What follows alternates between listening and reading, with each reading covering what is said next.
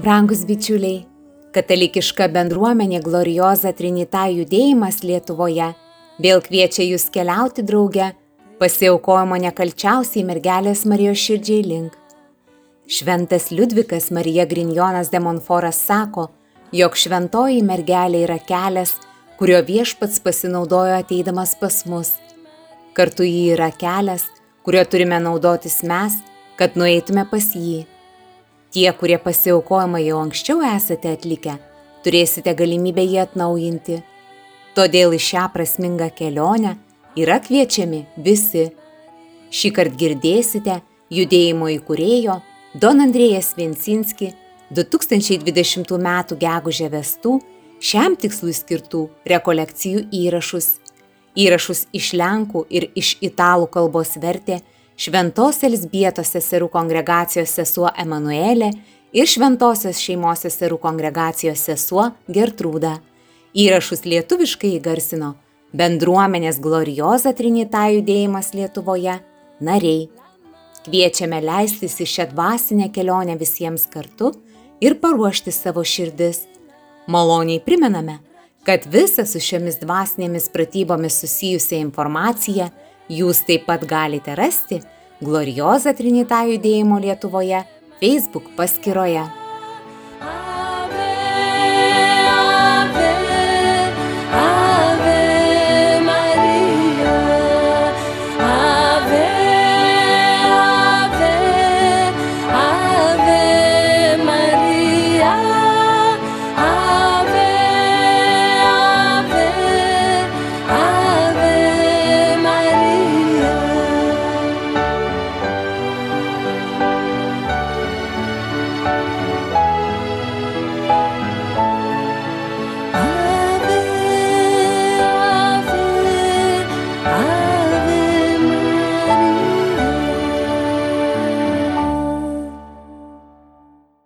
Nel nome del Padre, del Figlio, dello Spirito Santo. Vardan Dievo, Tėvo ir Sūnaus ir Šventosios Dvasios. Amen.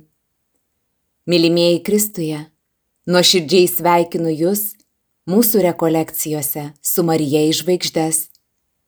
Šiandien apmastysime Marijos žodžius, kuriuos jis sako. Mano sūnus Jėzus Kristus nori, kad aš būčiau daugiau žinoma ir mylima Šiandien apmastysime, ką turime padaryti, kad Dievo motina Marija būtų daugiau žinoma ir mylima. Mes, mylimieji, turime skleisti pasaulyje jos vardą ir jos meilę. Dabar pasiklausykime Dievo žodžio.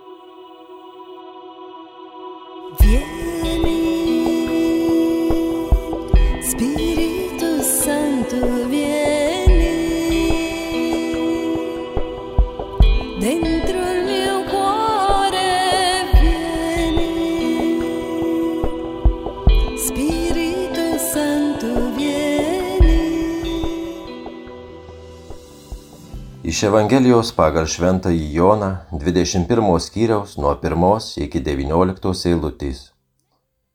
Paskui Jėzus vėl pasirodė mokiniams prie Tiberiados ežero. Pasirodė taip. Buvo draugė Simonas Petras, Tomas vadinamas Dvyniu, Natanaelis iš Galilėjos Kanos, Zebedėjaus sūnus ir dar du kiti mokiniai. Simonas Petras jiems sako, einu žvejoti Jie pasisiūlė, ir mes einame su tavimi. Jie nuėjo ir sulipo į valtį, tačiau tą naktį nieko nesugavo. Rytui auštant, ant kranto pasirodė bestuvys Jėzus. Mokiniai nepažino, kad ten Jėzaus esama. Jėzus jiems tarė, vaikeliai, ar neturite ko valgyti? Tie atsakė, ne. Tuomet jis pasakė, užmeskite tinklą į dešinę nuo valties ir pagausite. Taigi, jie užmetė ir jau nebeįstengė jo patraukti dėl žuvų gausybės. Tuomet tasai mokinys, kurį Jėzus mylėjo, sako Petrui, juk tai viešpats. Išgirdęs, jog tai esas viešpats, Simonas Petras persiuosi į palaidinę, mat buvo neapsirengęs ir šoko į ežerą.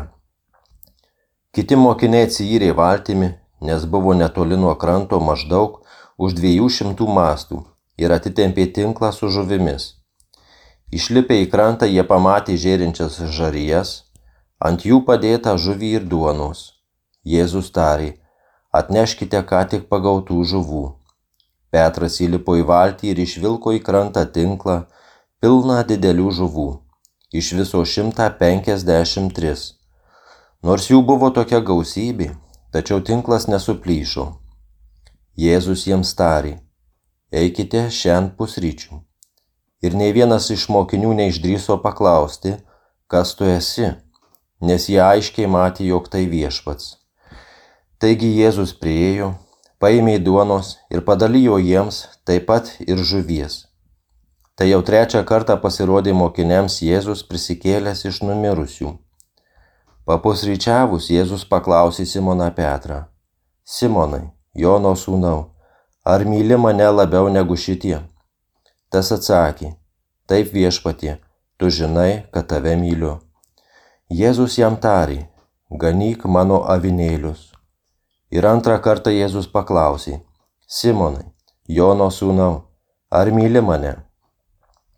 Tas atsiliepė, taip viešpatie, tu žinai, kad tave myliu. Jėzus jam pasakė, ganyk mano aveles.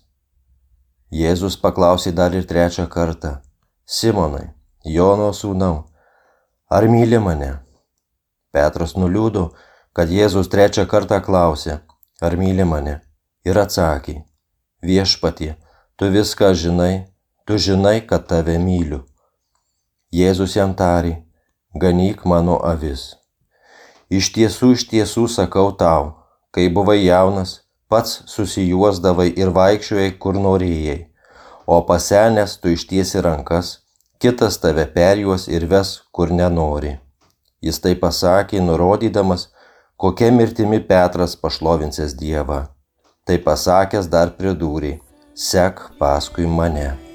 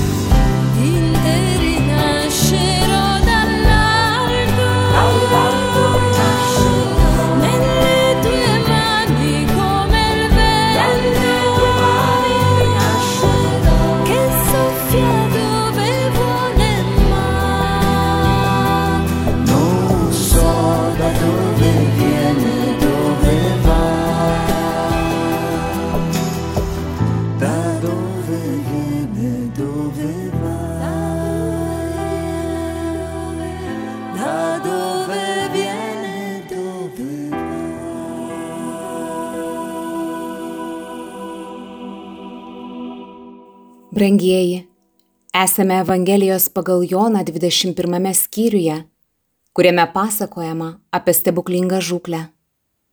Jėzus stebi septynių mokinių žvejybos sceną. Penki iš jų yra paminėti vardais - Tomas, Natanaelis, Jonas, Petras ir Jokūbas, o kiti du ne. Štai šie septyni mokiniai žvejoja. Naktis ir jie nieko nepagauna. Per visą naktį nie vienos žuvies nepagavo. Šiuo laikotarpiu taip pat ir pasaulis, kaip ir bažnyčia, išgyvena naktį.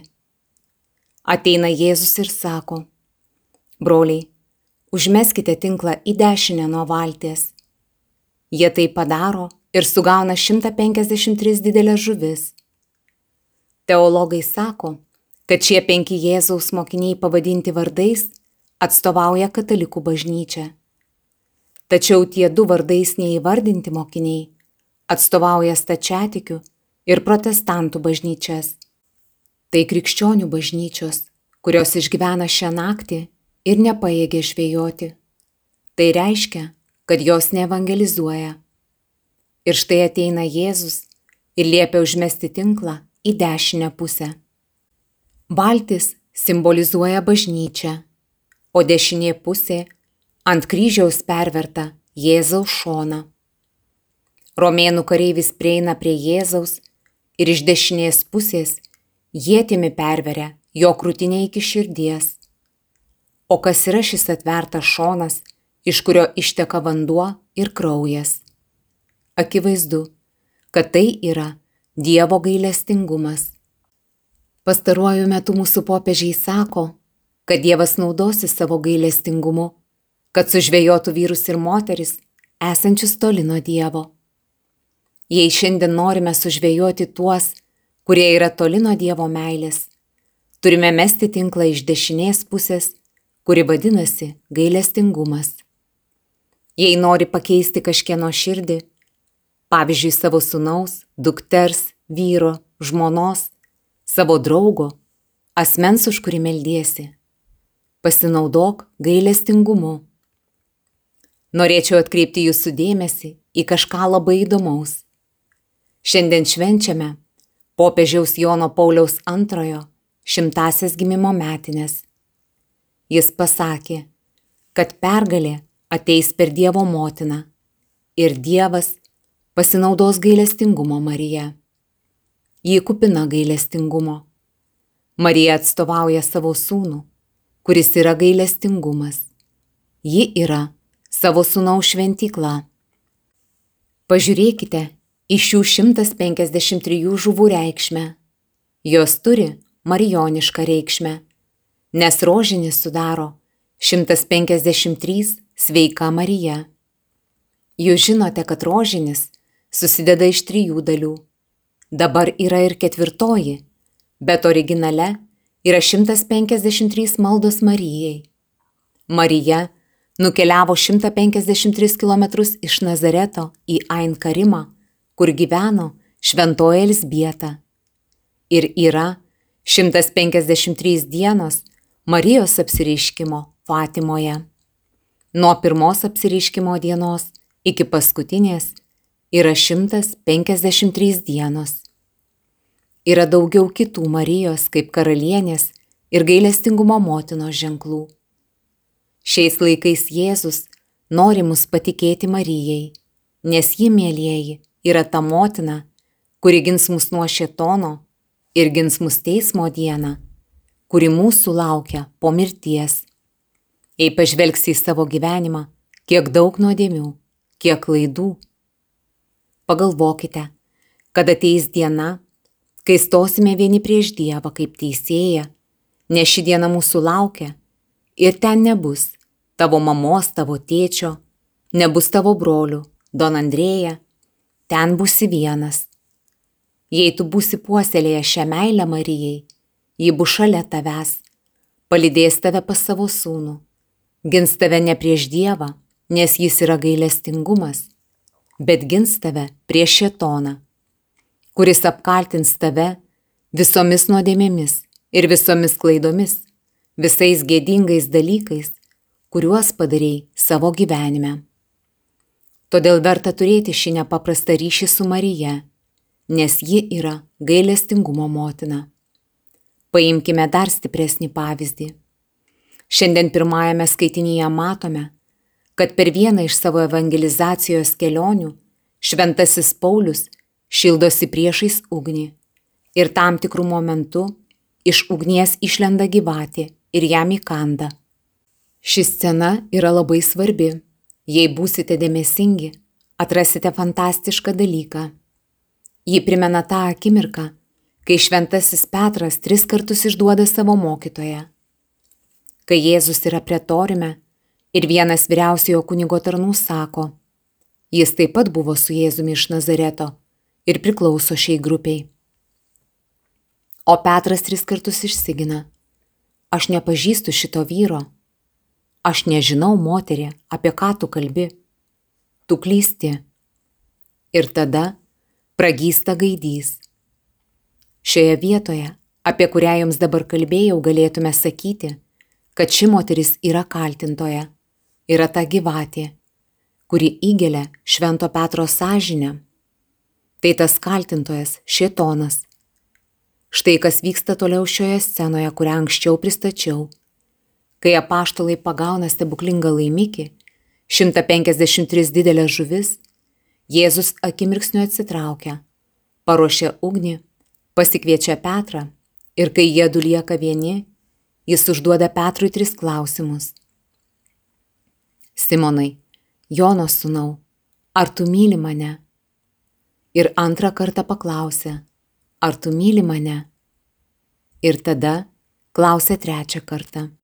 Čia sakoma, kad Jėzus norėjo panaikinti trigubą Petro išdavystę, kurią jis padarė prieš dešimt dienų pretoriume. Šių dvasinių pratybų šventųjų mišių ugnis, kurią Jėzus mums ruošia, yra Marija. Ji buvo pavadinta degančiu krūmu, kuris dega, bet nesudega. Nes ji yra visa šventa, visa nepriekaištinga, be gimtosios nuodėmės. Ji yra ši ugnis, šis laužas. Ji yra šventosios dvasios šventikla. Jėzus dabar tau sako, brolau, aš tau duodu savo motiną gailestingumo karalienė. Ir noriu, kad tu prisimintum visus gėdingiausius savo gyvenimo veiksmus, kuriuos esi padaręs. Nes noriu su tavimi sudaryti taiką. Noriu, kad tu taip pat sudarytum ją su manimi. Tai susitaikymo per Mariją diena. Nepamirškite, kad paskutinę dieną Kai susitiksime su Jėzumi ir būsime teisiami, ji bus vienintelė, dalyvaujanti šiame lemtingame pokalbyje su Jėzumi. Ar prisimenate, kai vaikystėje prašėme, kad mama mus palydėtų, pavyzdžiui, į sunku pokalbį ar pas gydytojus? Nuo šiol turime turėti drąsos paprašyti Marijos, kad eitų su mumis, ateitų pas mus. Šiomis dienomis atradau vieną atsivertimo istoriją, kad geriau suprasčiau, kaip Marija veikia, kaip jai pavyksta ištrinti visas mūsų gyvenimo išdavystes. Ieškojau Marijos apsireiškimų pasaulyje, tų, kuriuos pripažįsta bažnyčia. Ir supratau, kad yra tik penkiolika oficialiai bažnyčios patvirtintų apsireiškimų. Labai nedaug. Ir vienas iš jų įvyko Romoje.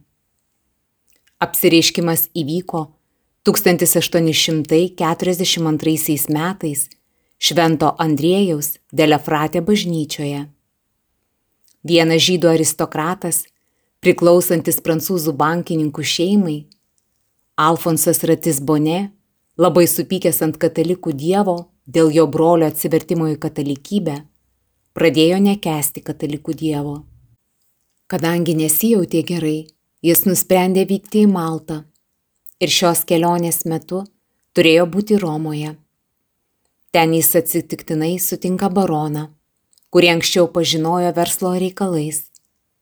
Tarp jų buvo užsimesgusi įdomi draugystė, nes baronas gerai pažinojo Jeruzalę, kur Alfonsas norėjo nuvykti. Viena vertus jis nekentė barono, nes šis buvo katalikas kita vertus žinojo, kad jam reikia vykti į Jeruzalę.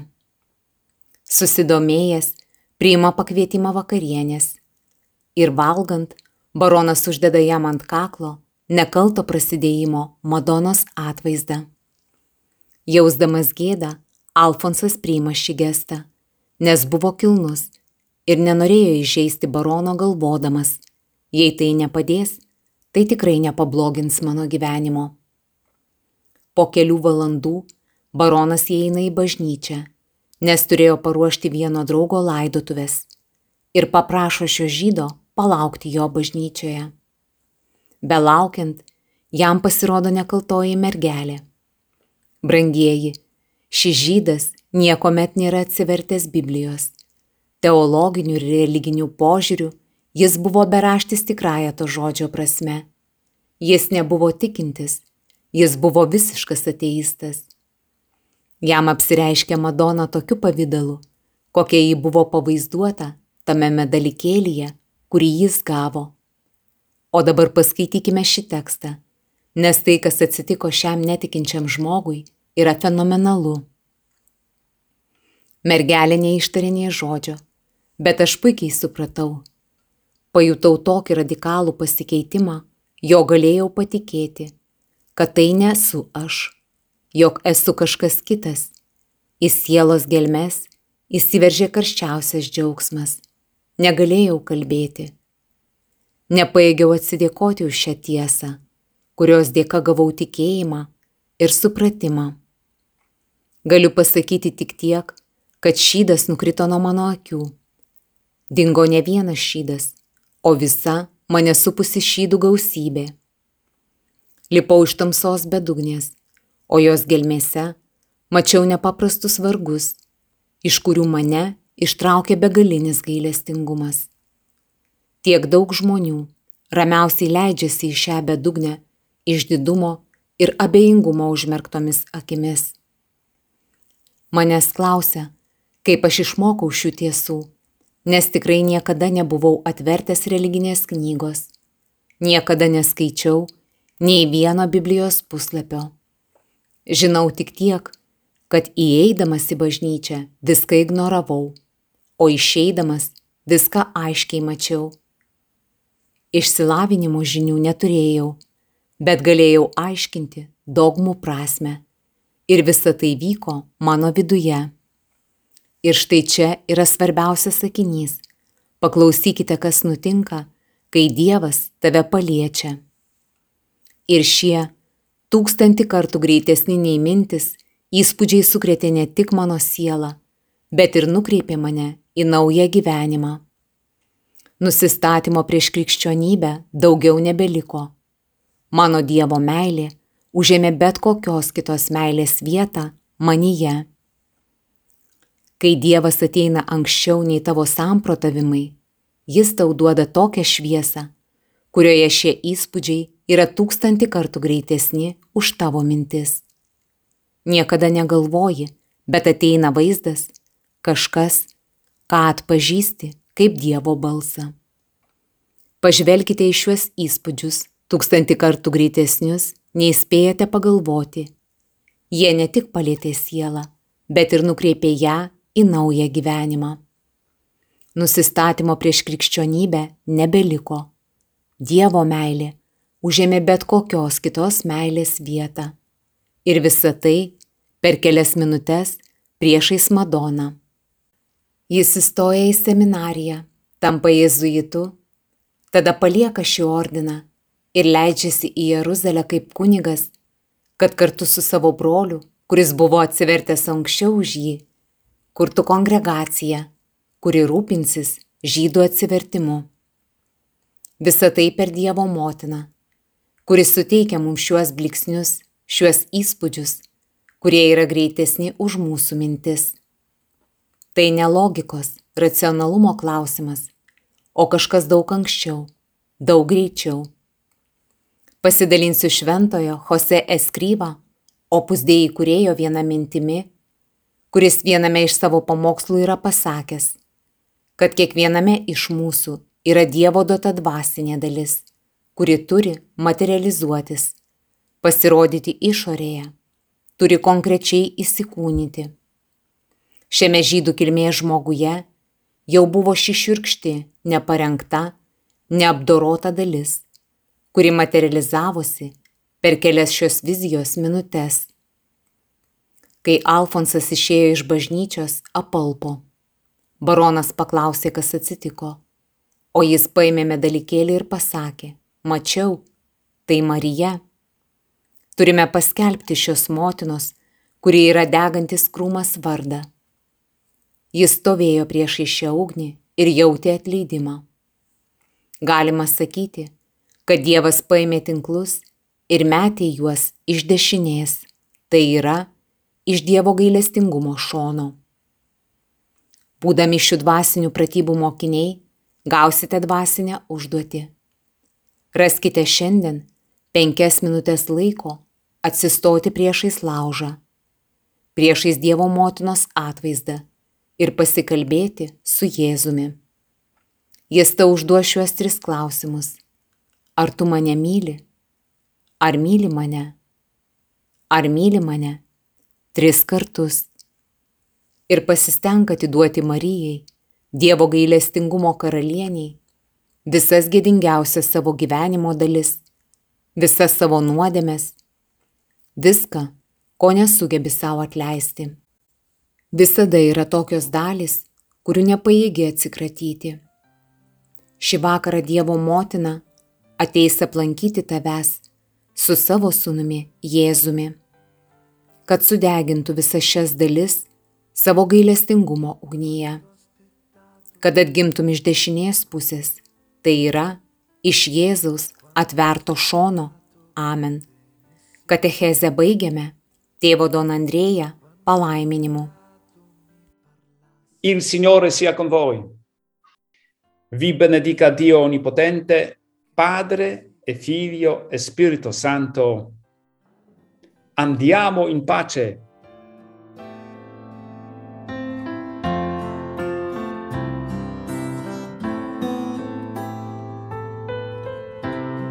Io so quello che hai sofferto,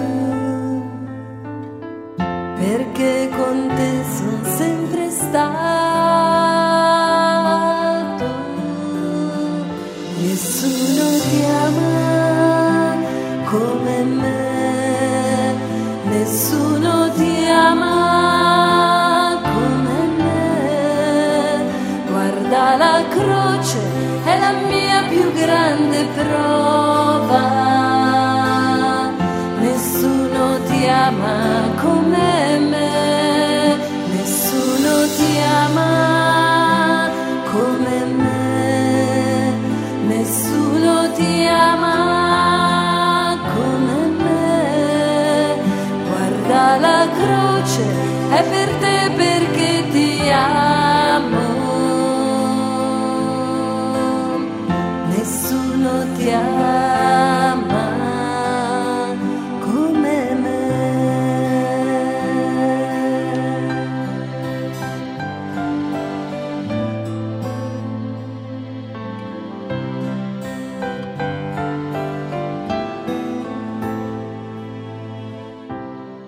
Io so ciò che tu mi dici,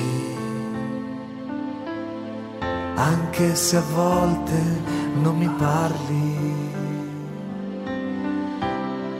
Io so bene ciò che senti,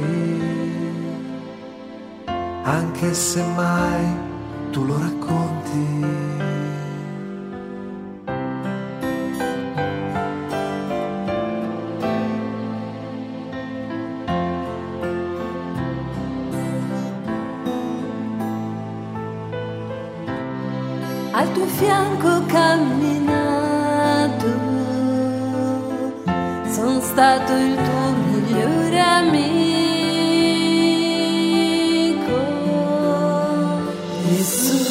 Ti ama come me, nessuno ti ama come me.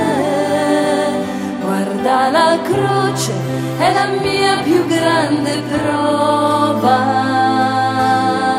Nessuno ti ama come me, nessuno ti ama